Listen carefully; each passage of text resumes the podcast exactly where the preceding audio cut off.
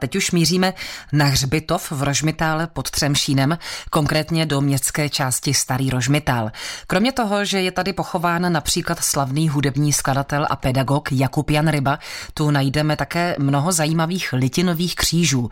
O nich nám víc řekne kurátor sbírek Podbrdského muzea Rudolf Šimek. Litinové kříže nalezneme na celém Podbrdsku. Největší koncentrace je samozřejmě na hřbitovech a v podstatě i největší pestrost. Takže pokud máte příležitost navštívit nějaký hřbitov na Podbrdsku, tak se jděte pokochat litinovýma křížema. Je pravda, že mnohé badatelé trápí, odkud ten, který kříž se jako vzal, kde byl odlit. Na to máme jako jednoduché pravidlo. Pocházejí z té eh, nejbližší slévárny, pravděpodobně. Co se určování jednotlivých křížů týče, existují dokonce katalogy. Nejstarší jsou už z první půlky 19. století. Jako příklad obrovský katalog křížů z roku 1915, kde 160 typů křížů, přičemž ten nejmenší má pouhých 80 cm, vážil tehdy kolem 8 kg. A ten největší, to bývaly většinou centrální kříže, tak ten má 5 metrů a váží přes půl tuny. Hutě, které na Podbrdsku zpracovávaly železo, jsou známy už od 14. století. Ty nejstarší byly ve Strašicích. Při každé eh, vysoké peci bývala slévárna a ty slévárny byly v Holoubkově, Komárově, Jincích, v Hrádku, Rokycan, v Rožmitále pod Třemšínem a v několika dalších lokalitách. Pokud se bavíme o křížích, tak ty bychom mohli rozdělit vlastně na náhrobní a polní, se liší pouze tím umístěním. Jak se vyrábějí nebo vyráběly litinové kříže? Jaký byl postup?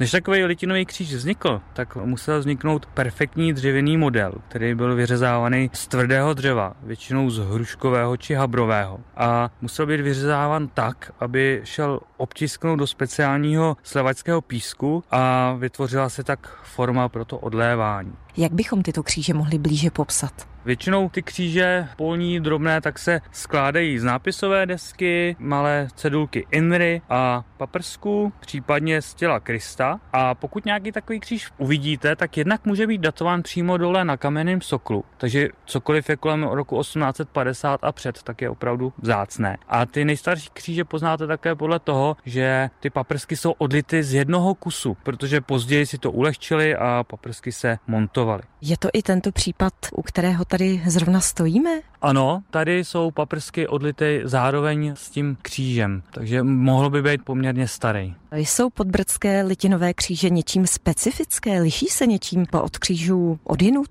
Ty slévárny si hodně půjčovaly ty modely a nějak se tenkrát nebral potaz na autorský práva. Ale pokud vím, tak tady na Podbrdsku, především v Rožmitále, ale je to i jinde, tak se dělali kříže, které imitovaly dřevo. Takže tam vidíte krásně letokruhy. Pak tady máme takovou zajímavost, že přibylo několik křížů v secesním stylu. Ty secesní kříže neznáme jinde, z jiných katalogů. Litinové kříže to je doba 19. století, začátku 20. a potom se móda změnila. Docela dost na tom zapracovali i komunisté, kteří docela záměrně likvidovali poměrně velké procento těch křížů, protože přece jenom symbolizují prostě katolickou víru, takže mnozí zachraňovali ty kříže, dneska se restaurují a vrací zpátky do krajiny v mnoha případech. Chraňte ty kříže, co to jde a pokud už není zbytí, tak je nejlepší je odevzdat do muzea. Dodává Rudolf Šimek z Podbrdského muzea. Kateřina Dobrovolná, Český rozhlas. Český rozhlas Plzeň. Rádio vašeho kraje.